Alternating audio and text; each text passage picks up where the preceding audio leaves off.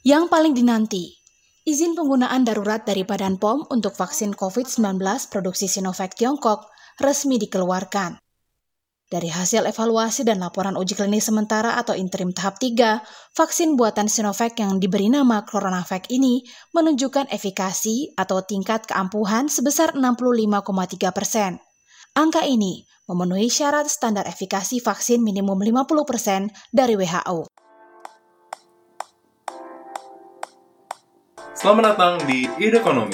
Sebuah platform informasi mengenai isu ekonomi dengan sumber yang kredibel dan bahasa yang mudah dimengerti. Pantau terus sosial media kami di @idekonomi_id.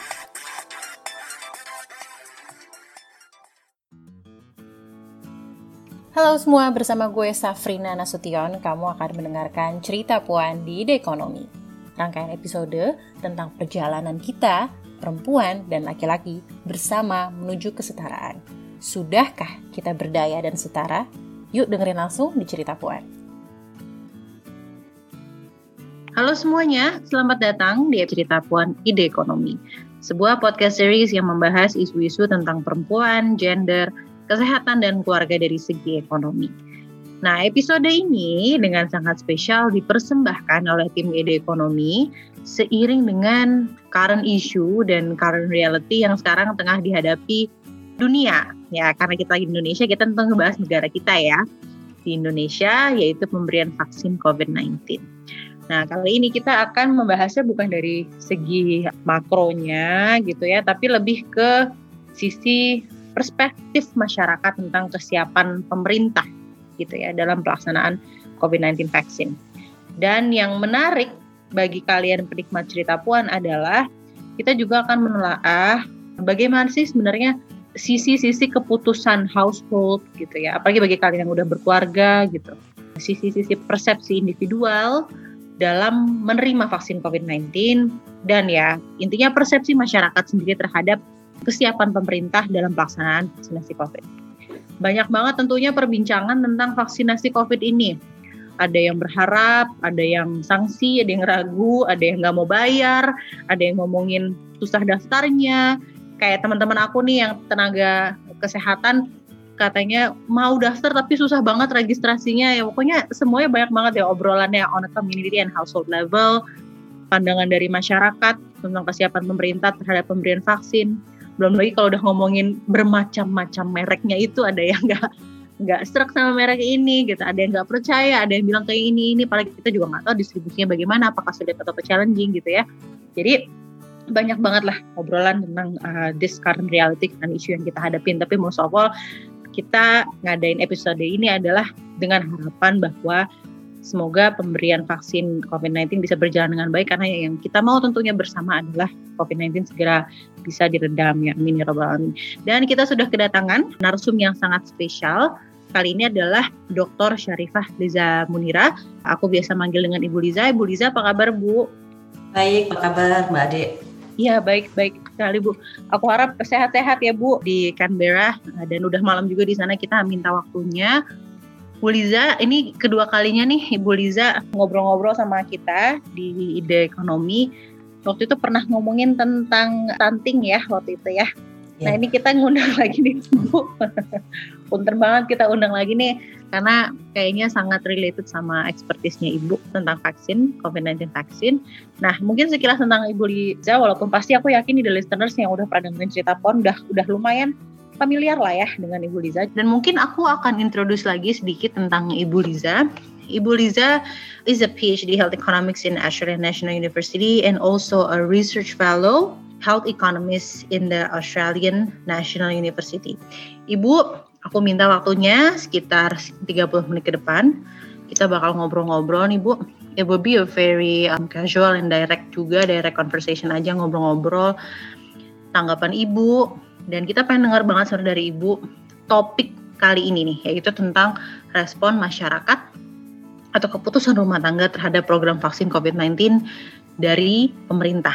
Nah, mungkin aku tanpa buang-buang waktu lagi, kita langsung mulai aja kali ya Bu ya. Pertama topiknya tentang mengenai keamanan vaksin. Jadi waktu itu tim ide ekonomi udah baca-baca beberapa artikel tentang vaksin gitu ya. Ini ada yang kita dapat dari uh, New York Times, ada dari Jakarta Post, uh, melihat bahwa responden itu punya signifikan concern tentang vaksin safety dan effectiveness. Ya, banyak yang expressing uh, ketidakpercayaan mereka terhadap vaksin gitu ya. Dan juga ada yang ngomongin haram dan halal gitu ya tentang kategori vaksin tersebut. Dan di Indonesia itu kan batch vaksin yang pertama hadir kan Sinovac. Nah, setahu aku, setahu tim ekonomi, saat ini masih ini clinical trial fase 3 dan belum di-proof seluruh fasenya. Bahkan di Turki aja efikasinya hanya 50%, di Brazil 50 sampai 90. Nah mungkin pertanyaan pertama nih Bu, biar aku nggak buang-buang waktu. Ini mengenai keamanan vaksin. Jadi aku pernah baca artikel di Jakarta Post, ada juga di New York Times tentang responden quite raising significant concern tentang vaksin safety and effectiveness gitu ya.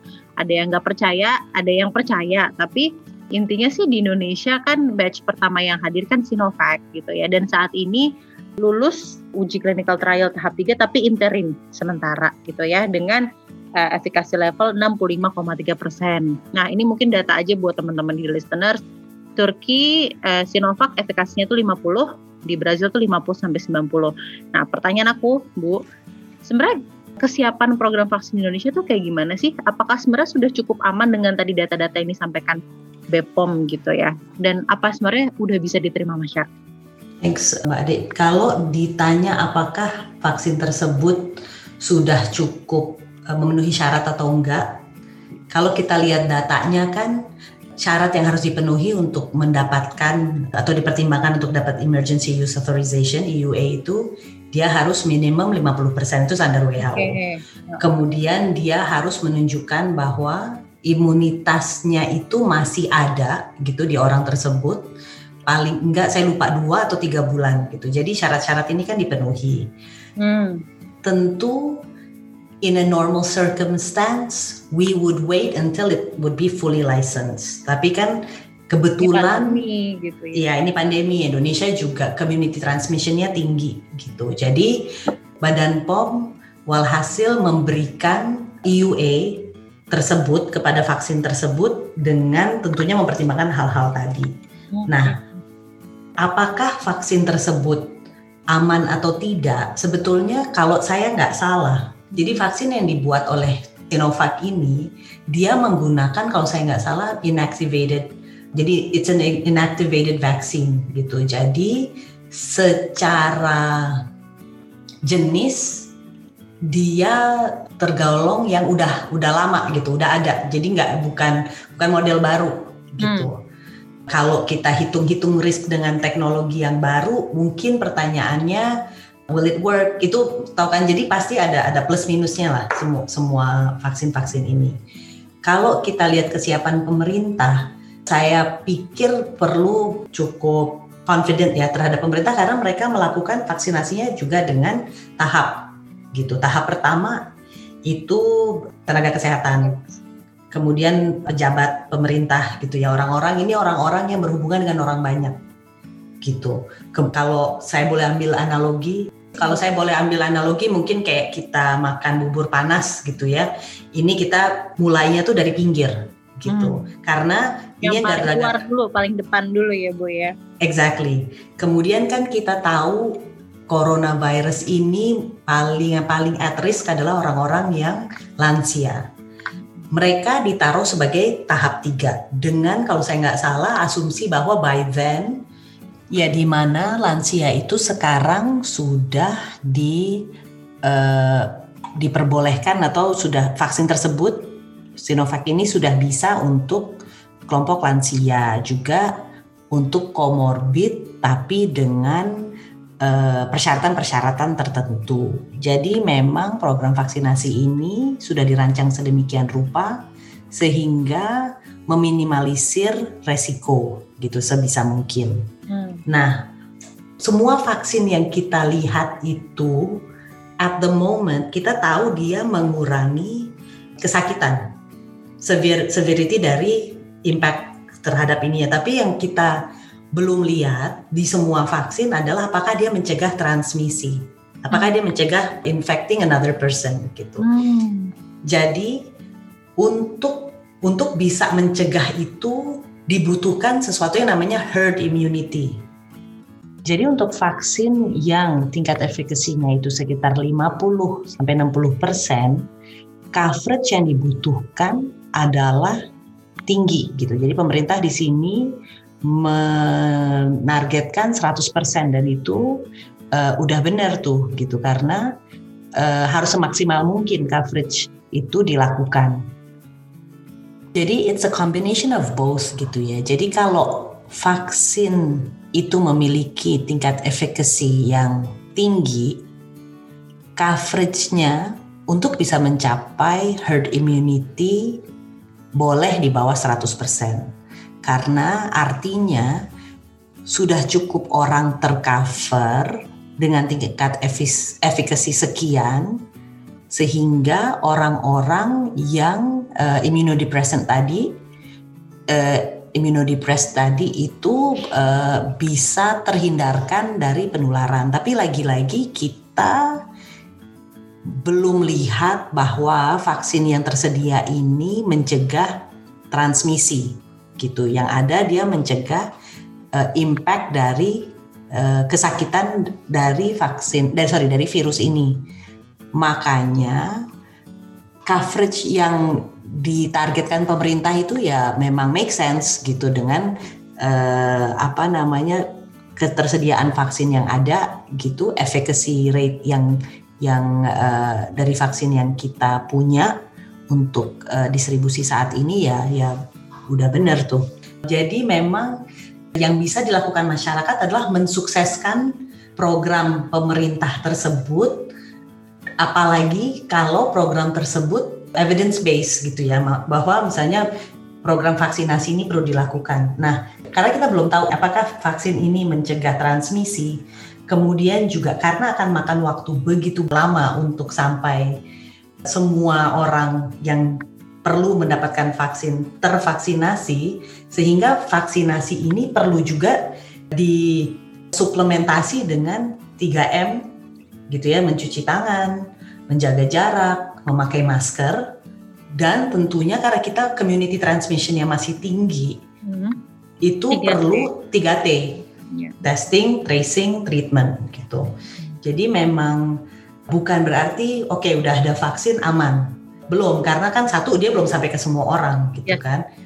Terus yang kedua sampai itu terjadi dan we we don't know what we will find gitu ya in the next couple of months gitu tentang virus ini gitu mudah-mudahan we will know so much more gitu ya by then jadi vaksinasi ini perlu di diperkuat dengan 3M 3T tadi gitu oh. amat sangat penting gitu. Tapi dengan hasil uji klinis interim dan dengan efikasi level 65,3 So we consider it as cukup aman, tetapi walaupun sudah divaksinasi tetap harus very very strict on 3M dan 3T. Betul ya Bu? Kurang lebih segitu itu ya jawabannya Bu ya. Ya betul. Dan kalau saya nggak salah hasil dari uji klinis vaksin tersebut adalah bahwa dia mencegah 100% dari severity yang highly severe apa severity yang sangat tinggi, dia mencegah sekitar 70% dari efek yang kesakitan yang medium gitu ya, tapi dia dan dia mencegah 50% dari yang mild mild mild symptoms gitu. Bu, tapi Untuk, kalau yang buat yang nggak awam pasti kan kurang kurang ngerti ya. Maksudnya kenapa oh, ada yang namanya interim gitu? Maksudnya ya tadi karena hmm. emergency use. Cuman keabsahannya bagaimana sih Bu kalau interim tuh Bu dan prosesnya apa berarti yang ada ada yang di-cut atau kayak gimana sih Bu? Kan kita pasti nggak sepenuhnya semuanya awam kan tentang hal ini gitu. Oke, jadi gini memang ini bisa dibilang bukan business as usual karena pandemi. Umumnya, kalau bukan lagi pandemi, pembuatan vaksin itu memang makan waktu tahunan gitu. Kenapa? Karena juga dia uh, sequential gitu tahapnya. Uh, pengujian-pengujian dasar, kemudian habis itu clinical trial tahap 1 selesai, baru tahap 2, 3 dan sebagainya. Tapi karena begitu penting untuk uh, vaksin COVID ini diadakan, sehingga yang dipercepat itu sebetulnya uh, bukan juga dipercepat, tapi dibolehkan beberapa tahap itu dilakukan secara paralel. Jadi tahap satu hasil interim tahap satu udah ada, boleh kemudian masuk ke tahap dua. Kemudian juga tahap dua promising, boleh masuk ke tahap tiga dan sebagainya. Nah, perlu juga dicatat bahwa yang kita lihat ini bukan hak dari hasil-hasil riset barusan gitu. Jadi ini manufacturers gitu ya atau vaksin uh, producers itu sebetulnya di lab itu sudah melakukan uh, penelitian tentang virus-virus tertentu termasuk SARS-CoV-2 ini dari lama gitu, tahunan gitu atau juga mereka bisa memakai platform-platform uh, penelitian mereka yang lain kayak kita lihat ada yang pakai dasar uh, based on adenovirus, HIV virus dan sebagainya dan sebagainya gitu ya. Tapi intinya uh, enggak yang as apa namanya as instant as it might seem to the lay to the lay person gitu ya. Itu satu hal. Kemudian juga kita harus ingat bahwa uh, karena pandemi memang sorry perlu dilihat juga bahwa WHO memang memberikan uh, panduan dan juga persyaratan untuk memberikan yang namanya emergency use authorization. Satu uh, efficacy levelnya harus at the minimum 50. Ini tercapai oleh vaksin yang kita lihat di Indonesia saat ini. Kemudian juga harus memenuhi uh, poin bahwa uh, immunity-nya itu tetap ada gitu ya dari yang diuji dari yang diberikan vaksin pada clinical trial tahap 3 immunity-nya itu masih ada uh, sampai dengan 2-3 bulan kemudian itu terpenuhi gitu. Makanya Badan POM uh, melihat itu tentunya melihat you know, syarat-syarat ini terpenuhi juga dengan beberapa consideration lain misalnya antara lain community transmission di Indonesia yang cukup tinggi itu uh, pasti menjadi pertimbangan diberikannya EUA untuk uh, apa Indonesia dan untuk untuk vaksin tersebut. Kalau kita perhatikan, kita bukan negara satu-satunya kok yang memberikan EUA. Antara lain ada uh, Uni Emirat Arab, kemudian ada juga Amerika, kemudian juga Rusia dan Cina gitu ya. Tentu dengan pertimbangan masing-masing untuk vaksin eh, masing-masing uh, yang yang available untuk mereka gitu. Jadi nggak uh, ada yang perlu dicemaskan sih karena itu memang sudah memenuhi eh, rambu-rambu uh, dan standar-standar yang uh, sudah ditetapkan gitu oleh uh, apa namanya otoritas uh, yang yang menaung tentang pembuatan vaksin. Iya iya. iya. Gitu. Oke, tapi nice insight sih Bu tentang hal itu. Mungkin kita akan lanjut ke pertanyaan kedua setelah setelah akhirnya tadi sudah nih kita semua bergonjang-ganjing tentang sebenarnya siap nggak sih pemerintah kalau aku mau ambil kesimpulan kita siap, pemerintah siap, tentunya dengan resepsi yang baik juga dari masyarakat dan tentunya dengan uh, kebijaksanaan masyarakat juga bahwa sudah divaksin tetap harus tetap menjaga protokol kesehatan dan 3T itu yang sebenarnya yang paling penting ya kalau kita mau bersama-sama pandemi ini ingin berakhir. Nah mungkin sekarang ada lagi isu yang yang sangat ya ini jadi obrolan banget lah ya Bu ya mengenai bayar membayar. bayar membayar vaksin. Nah, kalau ini aku dapat artikel dari detik.com, detik news. Hanya 35% dari orang Indonesia are willing to pay, gitu ya. 38-nya unwilling, jadi 35% bersedia membayar, 38 tidak bersedia, 27% masih undecided, gitu ya. Lalu habis itu tanggal 16 Desember, akhirnya Presiden Jokowi menetapkan bahwa vaksin akan gratis. Nah, mengenai kebijakan vaksin gratis, apakah sebenarnya kebijakan ini akan mendorong masyarakat untuk menerima vaksin? Oke, jadi gini, program vaksinasi pemerintah itu yang kita tahu selama ini umumnya gratis, ya, yang untuk anak-anak gitu kan. Itu aja coveragenya nggak pernah sampai 100%. Nah, bayangkan kalau kalau bayar. kalau bayar gitu. Dengan kondisi pandemi di mana tentunya tekanan ekonomi untuk you know, rumah tangga itu tinggi gitu ya. Gitu. Terus juga saya nggak saya nggak tahu uh, data, maksudnya the questions that were asked in specific ya, tapi apakah jawaban tersebut merefleksikan hanya tentang bayar ataukah ada juga faktor hesitancy lain gitu. Yeah. Tapi tapi menurut saya pemerintah udah on the right track untuk memberikan ini secara gratis. Pun juga kan pemerintah sudah menganggarkan gitu ya untuk untuk respons terhadap uh, COVID-19 dan belum terabsorpsi secara total kan, so apa penuh kan untuk kesehatan. Jadi I think, I mean it's the right, it's the right solution. Ya, ya sih Bu, itu itu setuju banget sih Bu. Maksudnya benar tadi yang uh, poin Ibu di mana kalaupun gak bayar aja, tidak semuanya juga masih persepsi masyarakat aja masih untuk menerima aja masih belum sepenuhnya leluasa gitu ya. Maka dari itu akhirnya Presiden Jokowi menetapkan bahwa vaksin akan gratis.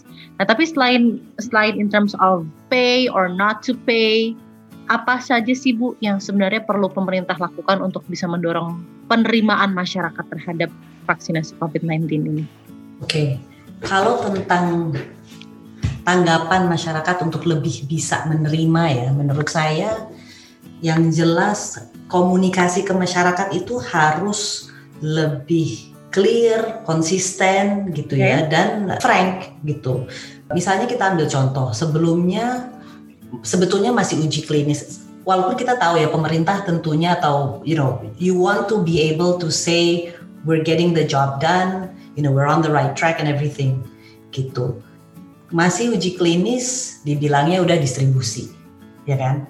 Terus ya, uh, apa? Ya kan. Nah, itu menurut saya membuat rancu gitu mm -hmm. kan. Terus pokoknya banyak gitu yang yang Jadi yang, isu transparansi pemerintah itu harus dibenahi banget ya, Bu.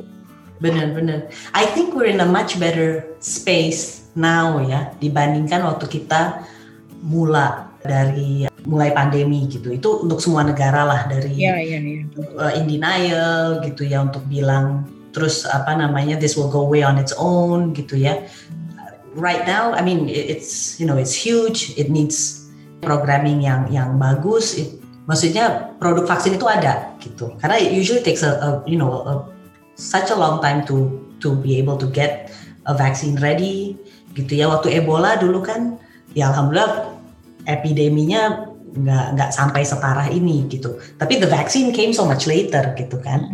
itu satu hal.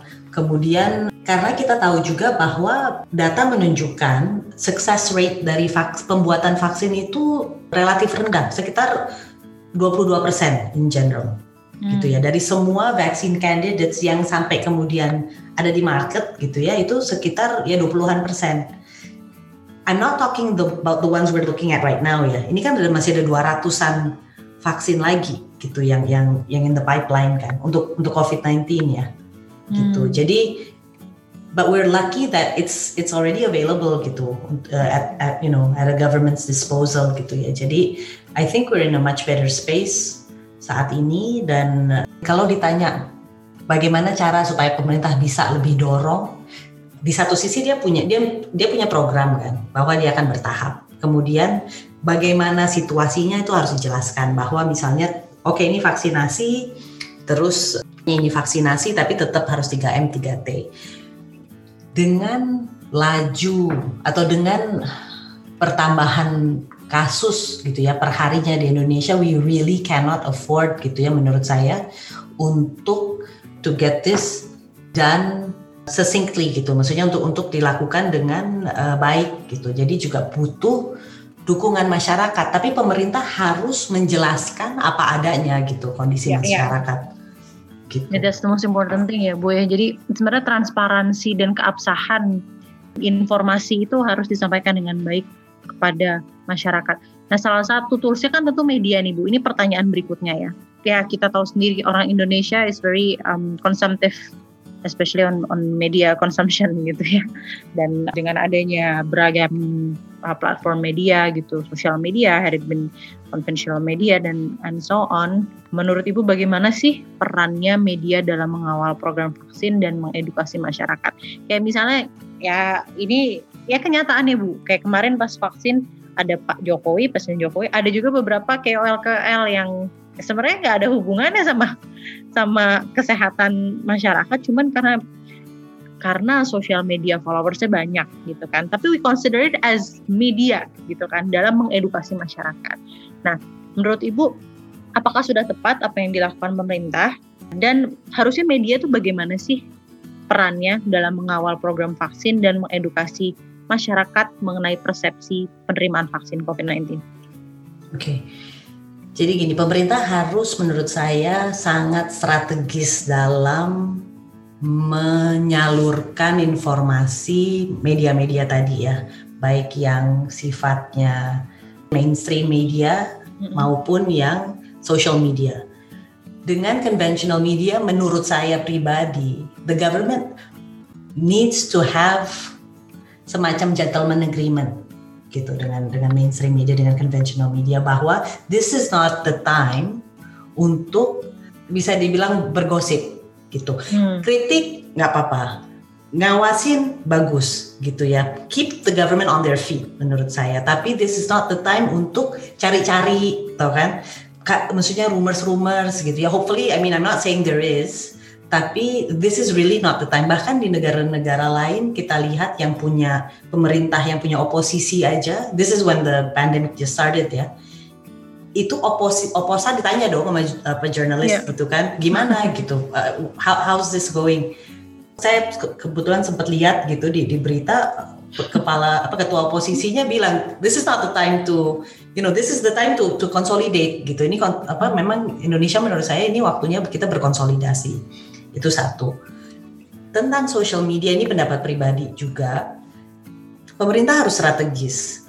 Kalau memang masyarakat umum masih dikasihnya di tahap keempat, apa ia perlu influencer dikasih di awal? Menurut saya, menurut saya itu lebih banyak mudaratnya daripada manfaatnya. Karena satu tentunya stok vaksinnya kan terbatas. Yes. Kalau misalnya ya God forbid lah. Ada ada apa for whatever reason orang itu kena uh, kipi. Kejadian kipi oh, apa sih? Adverse event dari uh, following an immunization. Yes.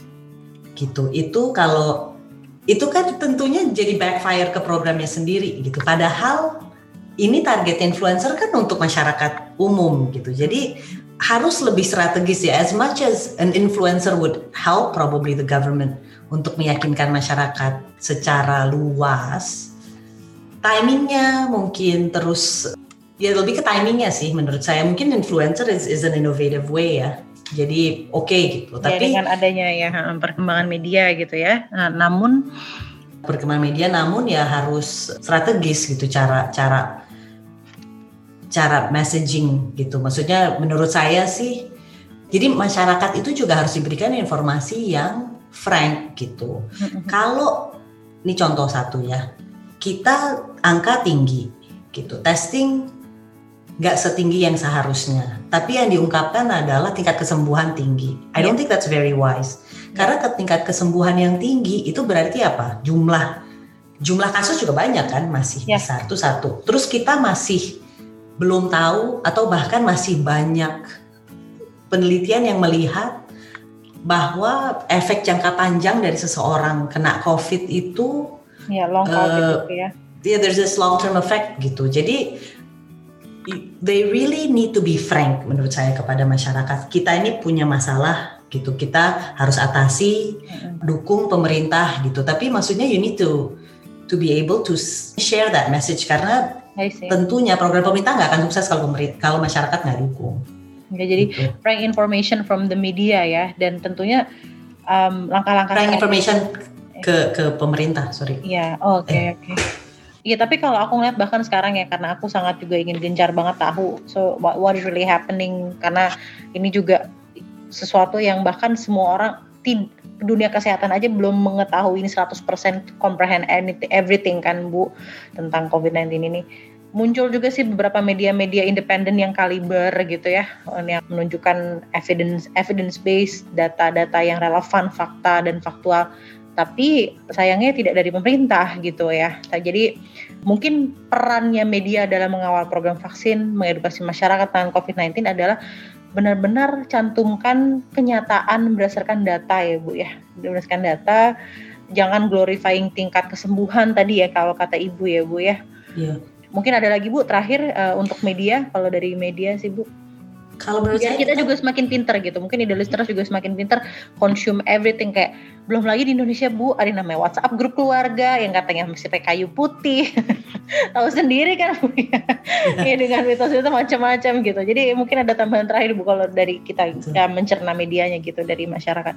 Ya, sebetulnya tadi Mbak Ade bilang tentang apa sih sumber-sumber informasi tingkat kaliber yang bukan dari pemerintah. I think we're very lucky gitu. Indonesia sangat untung punya gitu grup-grup saintis ya sebetulnya kayaknya di belakang apa informasi-informasi ini gitu ya yang yang evidence based epidemiolog gitu ya mungkin biologist, immunologist gitu yang bisa mendrive data ini dan itu menurut saya sih patut pemerintah kerjasama ya untuk I mean mungkin pemerintah fokus ke apa data apa atau kasih mereka untuk mengelola gitu ya. Maksudnya and I I mean they're getting their data somewhere. I'm I'm hoping it's getting it from formal sources ya. Karena kan kalau nggak dari mana lagi gitu. Tapi ya sebetulnya ya itu kita diuntungkan dengan dengan zaman sekarang ya bahwa all these channels are available tapi memang pemerintah sih yang harus mengawal gitu loh maksudnya dan harus frank gitu karena kalau nggak frank ya itu timbul second line of of Iya. information tentunya Iya kan itu itu sih yang itu ya. menurut itu yang saya. kelewat bahayanya sih second line of information disebarkan ke channel-channel yang wah ke mana-mana orang-orang Hmm. yang kurang selektif memilih informasi udah percaya aja duluan gitu ya Bu ya. Betul betul Oke. Jadi memang pemerintah kan punya oversight ya. Jadi misalnya kayak ada klaster-klaster di mana gitu. Dan itu harus diungkapkan gitu. Misalnya klaster keluarga ya jangan berkumpul gitu kan. Misalnya di luar mungkin rumah tangganya sendiri gitu.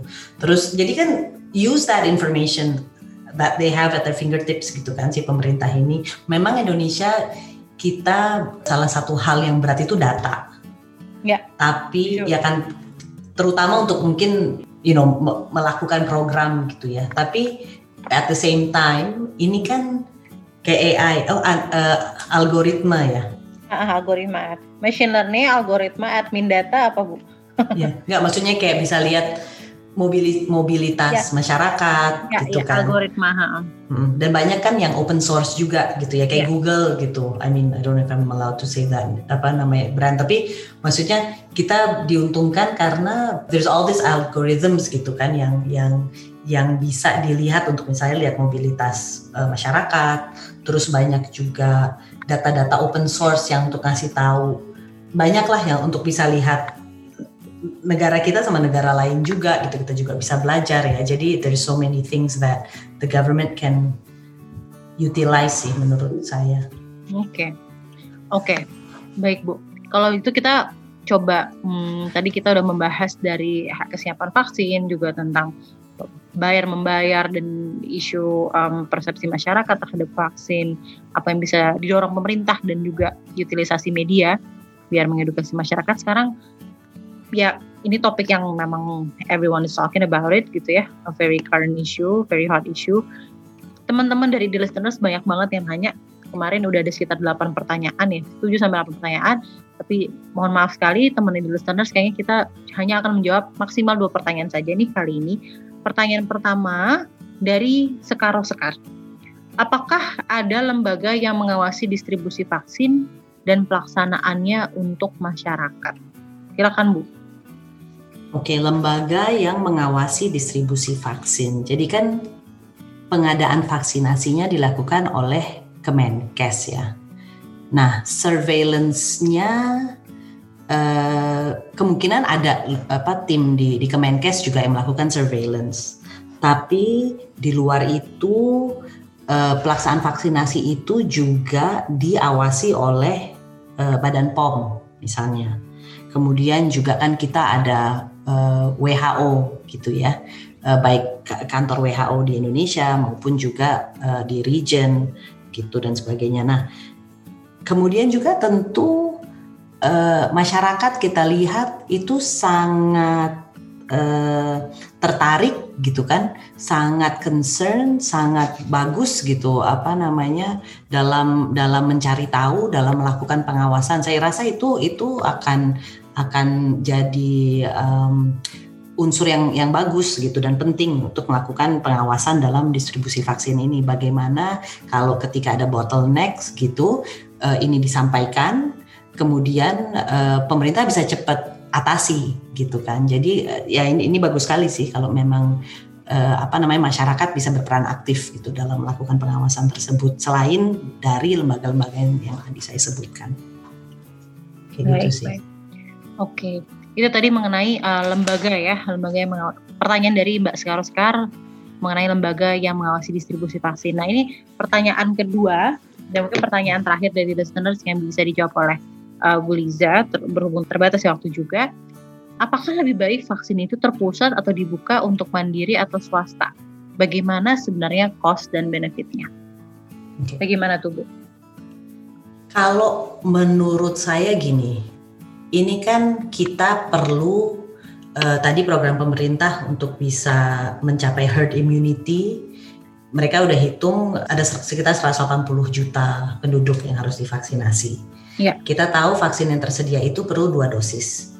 Yes. gitu kan itu sekitar berapa 360 kalau nggak salah dengan wastage rate dan sebagainya ya, jadi sekitar 400-an juta ya. dosis. Nah, kalau menurut saya ini kan suatu pandemi yang harus dihadapi oleh uh, atau harus diatasi dengan public health measures gitu. Nah, pemerintah tuh sudah merencanakan melakukannya dengan bertahap gitu. Itu udah benar banget. Nah, kalau swasta ingin membantu, tentu pemerintah kan needs all the help it can get gitu ya. Kalau pemerintah, eh sorry, kalau swasta ingin membantu, itu beberapa hal yang mesti diperhatikan. Satu, ini harus setelah uh, dilakukan setelah grup-grup yang amat utama itu terjadi. Jadi frontliners gitu ya, terus petugas publik, kemudian juga setelah uh, kelompok rentan yaitu lansia kan untuk untuk virus ini. Nah, kalau itu sudah dan kemudian tahap yang di yang di harus dilakukan itu adalah masyarakat secara umum, mungkin memang ada peran swasta yang menurut saya bagusnya itu atau akan sangat bermanfaat kalau swasta bisa membantu pendistribusian vaksin di mana misalnya satu company itu punya 100 orang bekerja gitu ya. 100 orang pekerja ini kan tentunya terdaftar di beberapa puskesmas yang katakan punya uh, secara total 1000 orang. Kalau perusahaan bisa mengcover atau bisa melakukan distribusi vaksinnya untuk 100 orang ini, tentu ini me, merelief gitu ya 100 dari 1000 total yang tadi di pus, puskesmas ABC gitu. Kalau kayak begitu menurut saya itu sangat terbantu.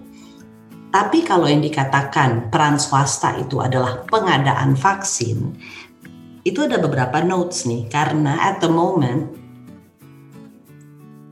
the market is not behaving normally. Vaksin itu memang ada yang namanya public market, ada private market gitu ya. Jadi bisa dilakukan di puskesmas, kita bisa juga akses vaksin di uh, jalur swasta gitu. Tapi dengan kondisi COVID pandemi, kemudian juga supply terbatas dan kebutuhan yang sangat besar secara global, saya eh, merasa perlu diperhatikan interface antara Indonesia keluar ke manufacturers gitu ya. Kemudian juga tentunya pelaksanaannya di lapangan gitu. Kalau lihat di lapangan, yang perlu diperhatikan itu adalah uh, those measures may not necessarily be in complete silo gitu karena kan tentu yang harus melakukan vaksinasi itu nakes ya.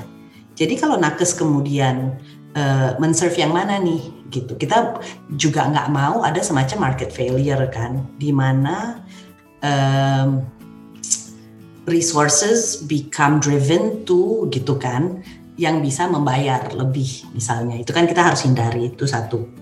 Kemudian kalau tadi poinnya tentang interface ke manufacturers, Indonesia dua hal. Satu, Indonesia itu berhadapan dengan supplier, sorry, Indonesia itu berhadapan dengan negara-negara lain untuk stok vaksin yang terbatas, gitu ya. Kalau dari Indonesia muncul dua, satu publik, satu swasta, kita nggak bisa optimal melakukan procurement itu, itu menurut saya. Kemudian juga kalau dikatakan vaksinnya berbeda, saya khawatir itu akan berarti bahwa program pemerintah tidak akan mempunyai all the possible vaccine uh, apa namanya variants gitu ya all the all the vaccines all the vaccine products yang available di pasar untuk digunakan misalnya kelompok lansia, kelompok komorbid gitu kan. Tentunya kan kita tahu tiap vaksin itu punya karakteristik yang beda-beda gitu. Jadi uh, sangat penting untuk pemerintah punya akses dan opsi ke semua vaksin yang available di market saat ini gitu. Jadi kalau ditanya cost and benefitsnya hal-hal ini harus dipertimbangkan oleh pemerintah sebelum um, melakukan atau ya pengadaan swasta itu di di di di, di approve. Ya, tapi sedikit aja sih Bu tentang persepsi masyarakat. Ini mungkin pertanyaan apa namanya? Pertanyaan terakhir dari tim The Listeners sebagai pertanyaan penutup juga gitu ya. Kan resepsi masyarakat Indonesia kan beragam banget ya Bu ya. Dan gak semua orang, eh ya kita tahu Indonesia very diverse, multipolar banget. Ada yang sosioekonominya begini, ada yang sosioekonominya bagaimana gitu ya. Hambatan internal dari penerimaan masyarakat dan eksternal, let's say misalnya dari kondisi geografis, dari kondisi sosioekonomi, menurut Ibu bagaimana sebenarnya keadaannya? Jadi gini, program vaksinasi nasional itu uh, biasanya ya sebelum satu vaksin itu di, dimasukkan ke dalam program imunisasi itu ada piloting. Itu bukan cuma di Indonesia tapi di di semua negara gitu ya. Di pilot untuk programmingnya. Jadi tentang distribusinya gitu kan, make sure cold chainnya uh, bisa make sure apa di, di, dipastikan juga cocok dengan jadwal vaksinasi karena biasanya kan yang divaksinasi anak-anak ya. Nah ini kan kita nggak kita nggak punya kapasitas untuk melakukan itu gitu. Maksudnya nggak ada waktu untuk melakukan itu. Jadi itu mungkin salah satu tantangan terbesar ya. Tapi dengan cara bertahap menurut saya itu udah udah bener banget gitu. Jadi bertahap. kita lihat udah bener banget bertahap gitu ya tahap satu nakes gitu kan tahap dua petugas publik itu terdaftar aja kita lihat masih banyak uh, teething problems ya maksudnya uh, getting it right gitu tapi at the same time kan itu juga mudah-mudahan mengajarkan sistem pemberian vaksin untuk nanti siap ketika tahapnya sudah masuk ke masyarakat gitu yang tentu jumlahnya jauh lebih banyak itu itu dari sisi itu menurut saya tantangan eksternal ya gitu. Apalagi nanti kan misalnya ke masyarakat remote gitu ya, terus uh, antar yeah. pulau, terus juga kapasitas gitu. Hmm. Karena dan jangan salah, eh, jangan, sorry dan jangan lupa program imunisasi yang umum juga tetap harus dilakukan. Iya, kan? itu sih. Ha, ha, ha. Gitu. Health system kita juga tetap harus ya. kan kita juga butuh dokter-dokter yang uh, bukan cuma memvaksinasi apa untuk COVID ini kan banyak vaksin lain terus juga mereka kalau adalah dokter atau perawat atau tenaga kesehatan apa pun kan punya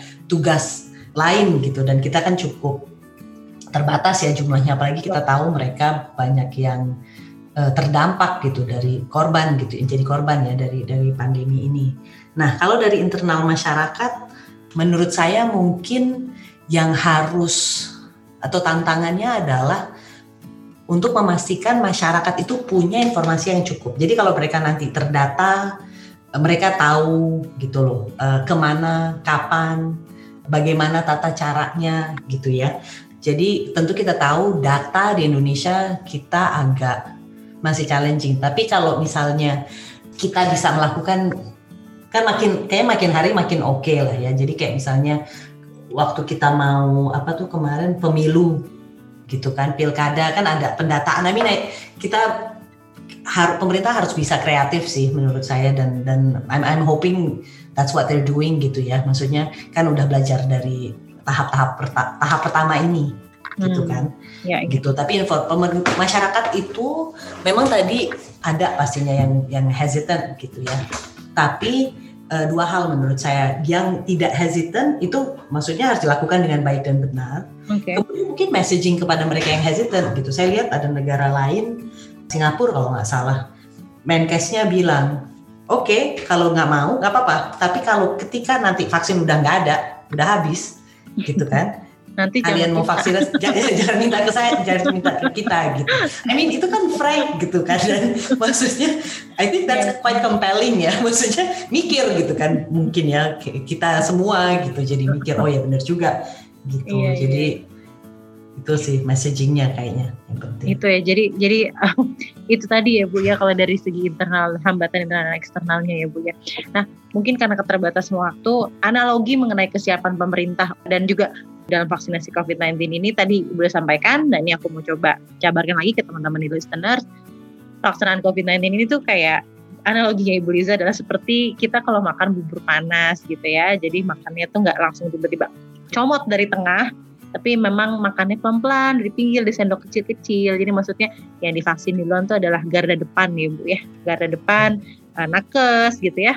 Eh, mereka yang pekerja publik gitu ya. Pelan-pelan mulai masuk ke tengah yaitu masyarakat umum gitu ya.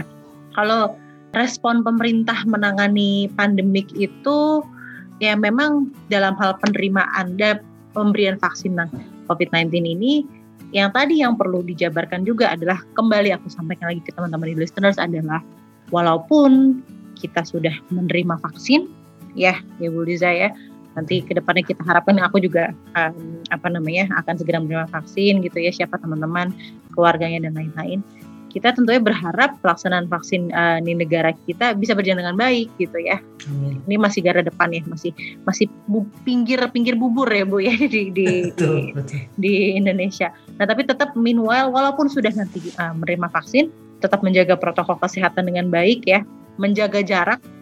Menjaga jarak tuh bukan cuma jalan-jalan tapi jaga jarak 2 meter ya Bu ya, tapi membatasi mobilitas ya Bu ya. ya Gitu ya. betul itu sangat penting Uh, memakai masker, mencuci tangan dan semakin gencar bagi masyarakat untuk melaksanakan 3T. Testing, tracing and treatment dan tentunya gimana melakukan 3T dengan 3T dengan baik adalah dengan infrastruktur yang baik, yang siap disiapkan oleh pemerintah. Itu aja mungkin untuk episode kita kali ini, Bu. Mungkin ada sekitar patah dua patah kata terakhir buat teman-teman di listeners yang mungkin masih hesitant banget, masih nggak percaya banget tentang vaksin ini atau atau mungkin saking percayanya banget malah ya udah deh gue masih muda nih santai aja aku bisa ke mana-mana gitu mungkin terakhir bu dari ibu kita pengen mendengar Jadi gini, pandemi ini kan yang kita lawan itu virus, gitu ya. Jadi penanganannya harus, menurut saya itu harus science based, harus evidence based, gitu. Jadi kalau saya boleh ambil analogi lagi nih, mungkin kayak orang minum obat, gitu. Resep dokter yang dikasih ke kita untuk melawan coronavirus yang dikatakan oleh science atau evidence based ini yang di- untuk melawan virus ini kan satu 3M gitu mencuci tangan, memakai masker, menjaga jarak. Terus obat keduanya 3T, testing, tracing, sama treatment. Nah yang ketiga, alhamdulillah nih kita udah ada satu obat lagi gitu vaksinasi. Nah itu harus tiga-tiganya kan diminum kalau mau sembuh secara uh, sempurna gitu. Karena yang harus kita kejar sekarang tuh adalah menekan community transmission gitu. Saat ini di Indonesia community transmissionnya masih tinggi. Banyak negara lain itu community transmissionnya sudah uh, bisa diatasi gitu ya to, to, to some extent. Tapi udah udah under control. Nah kita kan tentunya juga mau keluar gitu dari pandemi ini sehingga obat-obat ini ya harus di, di, diminum dengan benar, harus minum dengan disiplin gitu, harus ketiga-tiganya. Yang jangan itu misalnya testing numbers itu di drive dengan orang yang tetap mobilitasnya sama gitu misalnya ya. Jadi kurang lebih seperti itu. Intinya sih um, kita ada tiga obat ini at our disposal at the moment. Ya mudah-mudahan kalau kita disiplin kita lakukan ketiga-tiganya uh, itu insya Allah kita bisa segera mengatasi pandemi ini dengan baik. Cam camkan gitu ya di kepala, di hati teman-teman di listeners adalah masalah COVID ini harus diselesaikan dengan science, evidence based, database dan ya science based ya Bu ya tadi yang sudah disampaikan Bu Liza. Dan analoginya bahkan ada dua nih episode kali ini. Jadi is misalnya kita sakit, kita dapat obat tiga tipe gitu ya, obat pahit tiga kali ya minumnya harus tiga kali sehari, jangan cuma senin apa jangan cuma pagi sama malam gitu ya, nanti di tengah-tengah tidak makan. Atau nggak misalnya obatnya ada tiga varian, ya emang nggak bisa cuma makan satu obat doang gitu ya. Jadi obat pahit yang harus kita uh, telan tiga-tiganya, maksudnya harus kita lakukan dalam hal menangani COVID ini adalah 3M, 3T, dan vaksinasi. Kalau satu saja tidak berjalan dengan baik, ya kapan dong kita bisa menghentikan community transmission COVID-19. Jadi itu tadi ya. Nah, dalam hal episode kali ini mengenai persepsi masyarakat terhadap vaksinasi COVID-19, kita harapkan uh, pelaksanaan bisa berjalan dengan baik dan most of all tetap jaga 3T, 3M. Kuncinya itu tadi ya Bu ya, tiga-tiganya kita jaga agar kita bisa tetap um, sehat dan pandemi insya Allah akan segera berakhir. Tidak hanya di Indonesia amin, tapi di muka bumi. Ya amin amin robbal amin terima kasih banyak Bu atas pencerahannya waktunya buat teman-teman ide ekonomi. Ini kita juga jadi panjang ngobrol jadi sorry banget Bu. Um, waktunya jadi kemakan banyak banget terakhir dari kita kita doain semoga ibu selalu sehat di Canberra sama keluarga dan salam sukses selalu untuk ibu Liza. Terima, Terima kasih, kasih ya Bu. Terima kasih sama-sama.